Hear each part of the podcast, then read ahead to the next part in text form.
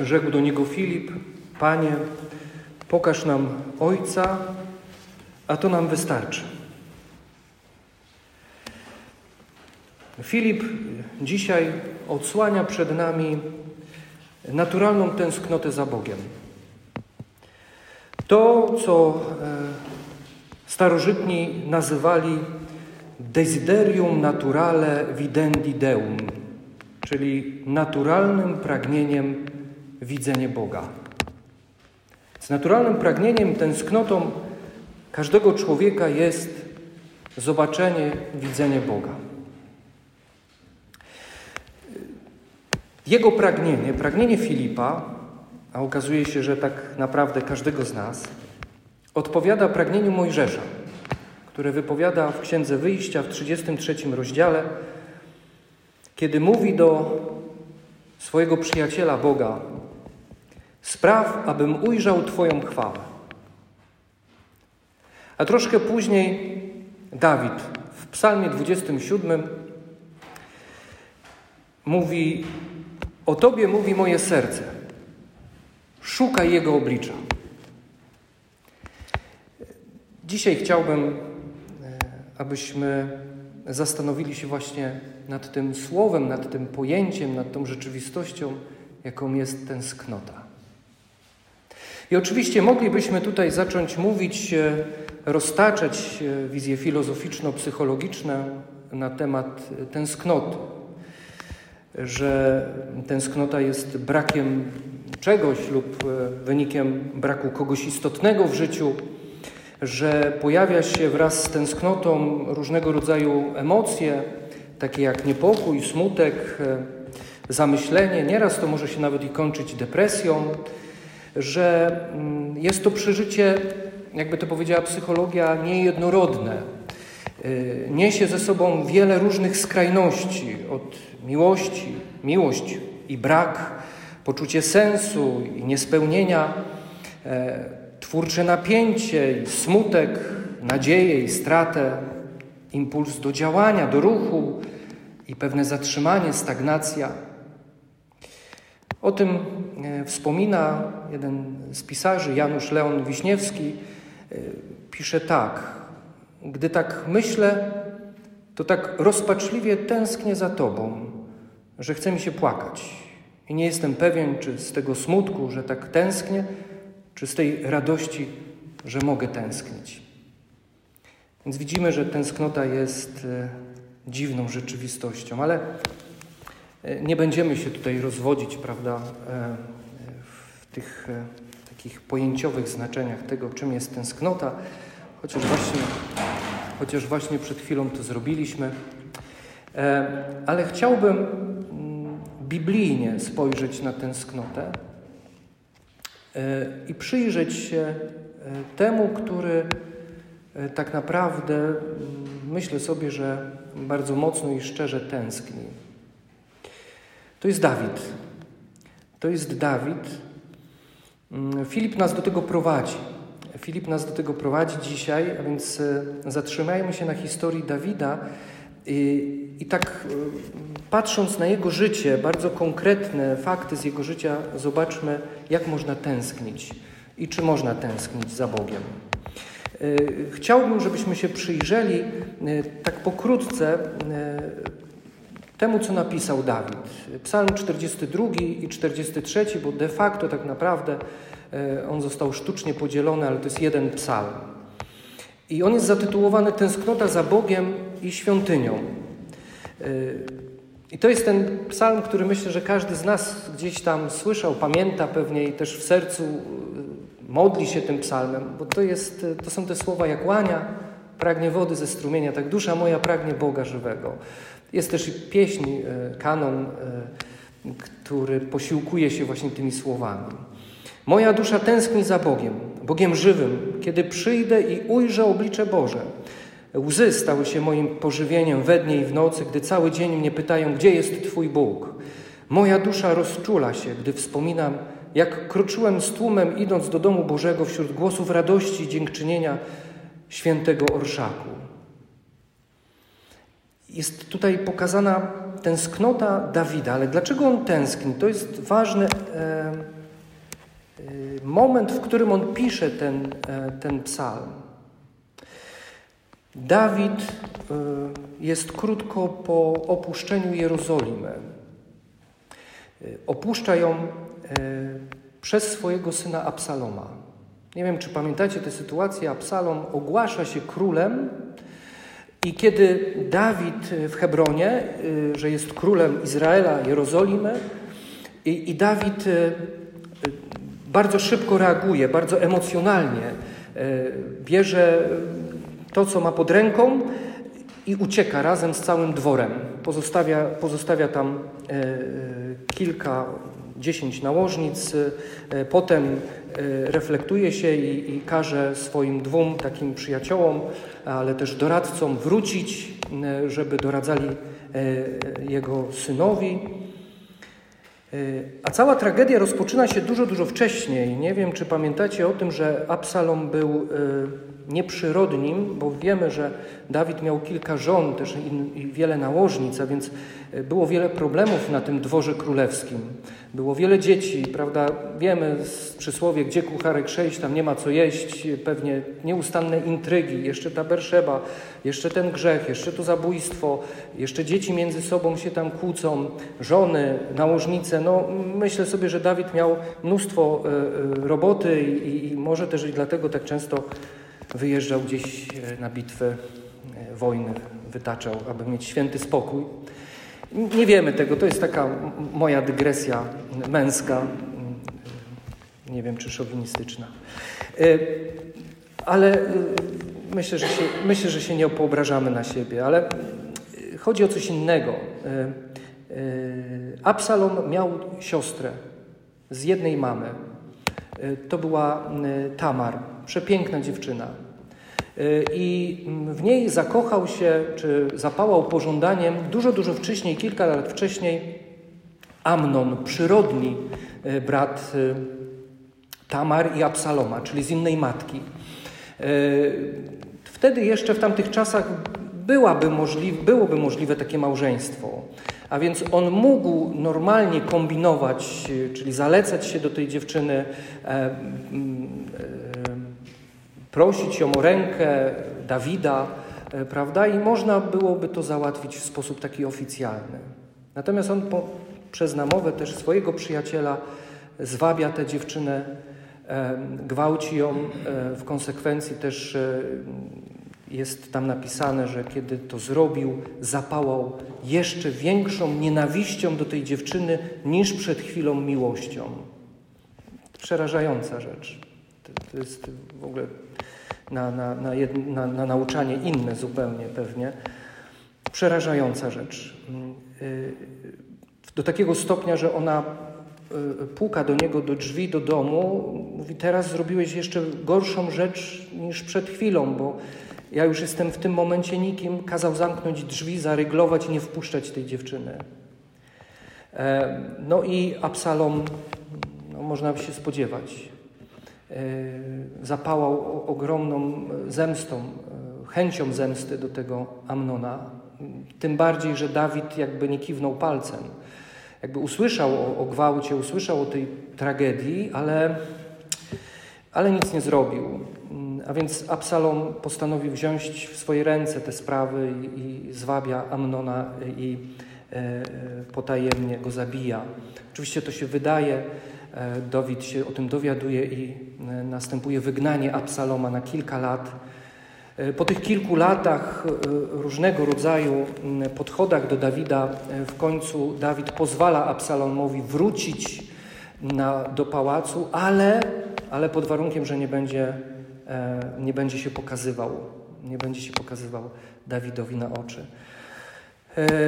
W końcu i też dochodzi do tego, że no, może przebywać w obecności Dawida Króla. Więc zobaczcie, y, y, jakie jest napięcie w tym domu królewskim.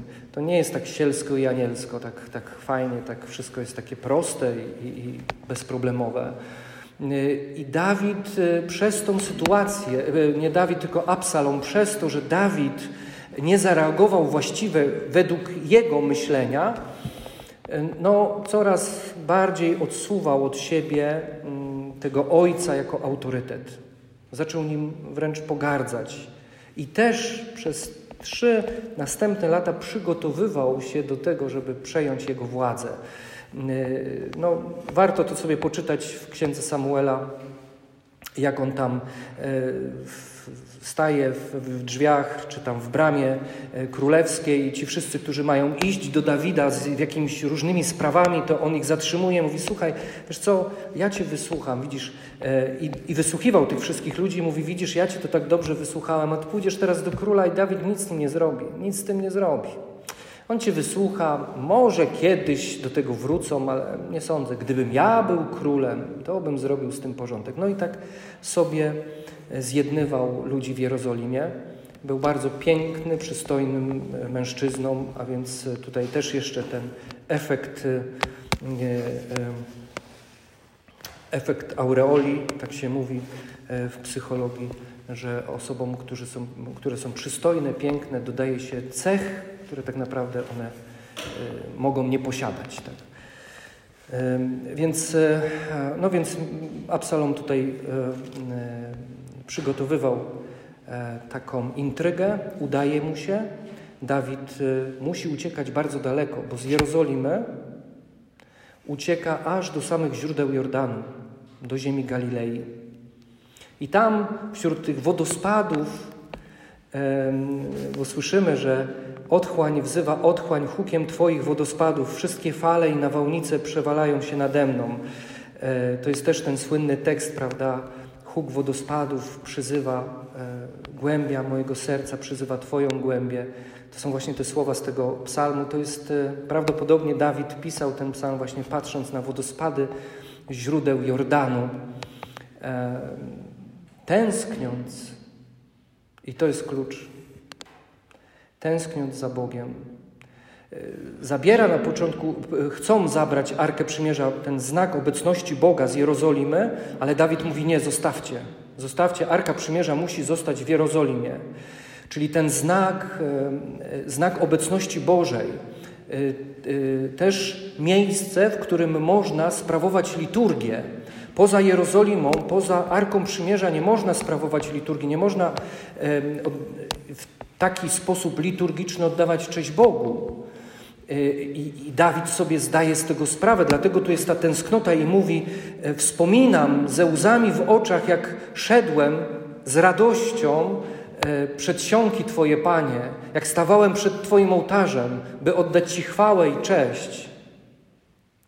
A więc Dawid tęskni za Bogiem i tęskni też za zgromadzeniami liturgicznymi. Moglibyśmy powiedzieć, że dzisiaj z naszej perspektywy tęskni za Eucharystią tak, za liturgią, za tym miejscem, za tym spotkaniem, e, ale tęskni też za, za obliczem Bożym. Tęskni za Bogiem. I teraz, co to ma wspólnego z Filipem i z tą tęsknotą, naturalnym pragnieniem widzenia i tęsknoty za Bogiem? Po co to wszystko ja do tej pory tak Wam barwnie opowiadałem? Bo wiecie, jak się czyta Biblię, to tęsknię za Tobą, Panie. Szukaj oblicza Pana. I to jest takie wszystko, takie wiecie, takie troszeczkę można by, wydawałoby się takie jałowe i powierzchowne. Albo takie górnolotne. No, no dobrze, no to ja sobie tęsknię. Tęsknisz wtedy, kiedy to stracisz, kiedy tego nie ma, kiedy uświadamiasz sobie, że to, co straciłeś, jest bardzo ważne, co jest istotne. Y, chcę Wam pokazać to, że Dawid w obliczu tak e, ciężkich sytuacji życiowych, takich tragicznych, syn go zdradził. E, prawdopodobnie nie będzie mógł już wrócić tam, tak myśli, tak e, z taką tęsknotą patrzy na Jerozolimę. Może będzie musiał szukać sprzymierzeńców w innych krajach. Absalom robi też różne rzeczy w Jerozolimie, takie, które pokazuje, zobaczcie, e, całemu narodowi izraelskiemu pokazuje, zobaczcie, jeśli on nie potrafi zadbać o kilka osób, które pozostawił, e, uciekając przede mną, to jak on się zajmie całym narodem? On już jest zdyskwalifikowany jako król. Więc Dawid ma tę świadomość. Dawid ma świadomość, że chyba prawdopodobnie nie ma do czego wracać. Czy jakby siedzi na na takich ruinach swojego życia. W całej tej sytuacji jedno, co przychodzi mu na myśl, to tęsknić za Bogiem. Jaką trzeba mieć więź z Bogiem, ile trzeba się napracować w życiu, rozumiecie? Widzicie to? Ile trzeba się napracować w życiu, e, w, w, inwestować w relacje z Bogiem. On był pasterzem, on cały czas, Słowo Boże mówi, że on za młodego inwestował, tak? On za młodego e, stawał się przyjacielem Boga. On cały czas przebywał, e, śpiewał Panu, rozmawiał z Nim. I dlatego e, mógł przejść te trudne momenty swojego życia, nie koncentrując się na ciemności w swoim życiu. Rozumiesz? Nie koncentrując się na problemach swojego życia, ale koncentrując się na tęsknocie za obliczem Pana. I to jest rozwiązanie. Wiemy dobrze, że potem woła Absalomie, Absalomie mój, gdzie jesteś? Zginął Absalom. Tak się skończyła zdrada Absaloma. Dawid wraca z powrotem do królestwa na tron. To jest nauka dla nas. Po pierwsze, tęsknota. Czy ja tak tęsknię za Panem? I tak samo jeśli chodzi o tą liturgię, czy ja tęsknię za miejscem spotkania z Bogiem żywym i prawdziwym w stu procentach, bo tu mamy w Eucharystii pewność stuprocentową, że On jest, że spotykamy się z Bogiem żywym i jesteśmy zaproszeni do, do szczególnej bliskości z Nim. Czy ja tęsknię? Wiesz, no już zostawmy te potężne problemy, bo każdy z nas je ma w swoim życiu i różnie w trakcie tych problemów reaguje. Może mniej lub bardziej powinniśmy się wstydzić za te reakcje, my chrześcijanie, bo tutaj o to chodzi. Bo jesteśmy wezwani właśnie do, do tej jakby E, wyższego stopnia reagowania na, na, te trudne sytuacje w naszym życiu, właśnie tak po chrześcijańsku, tak jak to zrobił Dawid, tak jak e, reaguje Jezus, jak nam to pokazuje. E, ale zostawiając te takie potężne, różne problemy, przypatrzmy się chociażby kwestii spowiedzi świętej. W większości, oczywiście nie chcę mówić tutaj za Was, ale tak jak spojrzymy sobie trochę na swoje życie, to w większości idziemy do tej spowiedzi tak, żeby nie żeby odfajkować, ale żeby mieć święty spokój. Żeby a nuż, kiedy nam się przytrafi ta śmierć, to żeby jednak być ok, korekt. No bo, no bo jak się zachowujemy, kiedy widzimy, że mamy problem z relacją z Jezusem, na przykład poprzez grzech? Ludzie często tak robią, odkładają, nie? Mówią, a spokojnie, to jeszcze tak miesiąc sobie pobędę, tak żeby ten żal dojrzał. A to nie chodzi o żal, oczywiście, ale chodzi o tęsknotę. Ty masz zerwaną relację z Bogiem. Czy ty tęsknisz za tą relacją? Idź jak najszybciej, pojednaj się z Panem, żeby znów mieć z Nim kontakt w swoim sercu. A więc jak reagujemy, już nie chodzi o to na te problemy życiowe. Mm, ale to jest taki ideał, piękne to jest, nie? Że, żebyśmy naprawdę uwierzyli w to, że kiedy zajmujemy się Jezusem, to Jezus zajmuje się nami. I jedynym takim rozwiązaniem i trzymaniem pokoju w swoim sercu, trzymanie tego pokoju w swoim sercu, to jest skoncentrowanie się na Jezusie, kiedy jest naprawdę trudno, naprawdę źle, naprawdę jest ciemno w Twoim życiu, naprawdę nie wiesz, w którą stronę masz iść które drzwi otworzyć, to po prostu usiądź, otwórz Ewangelię i rozważaj Ewangelię. Nie szukaj Ewangelii adekwatnej do Twojego problemu. Nie, nie, nie, nie, nie, nie, nie, nie, nie tak łatwo.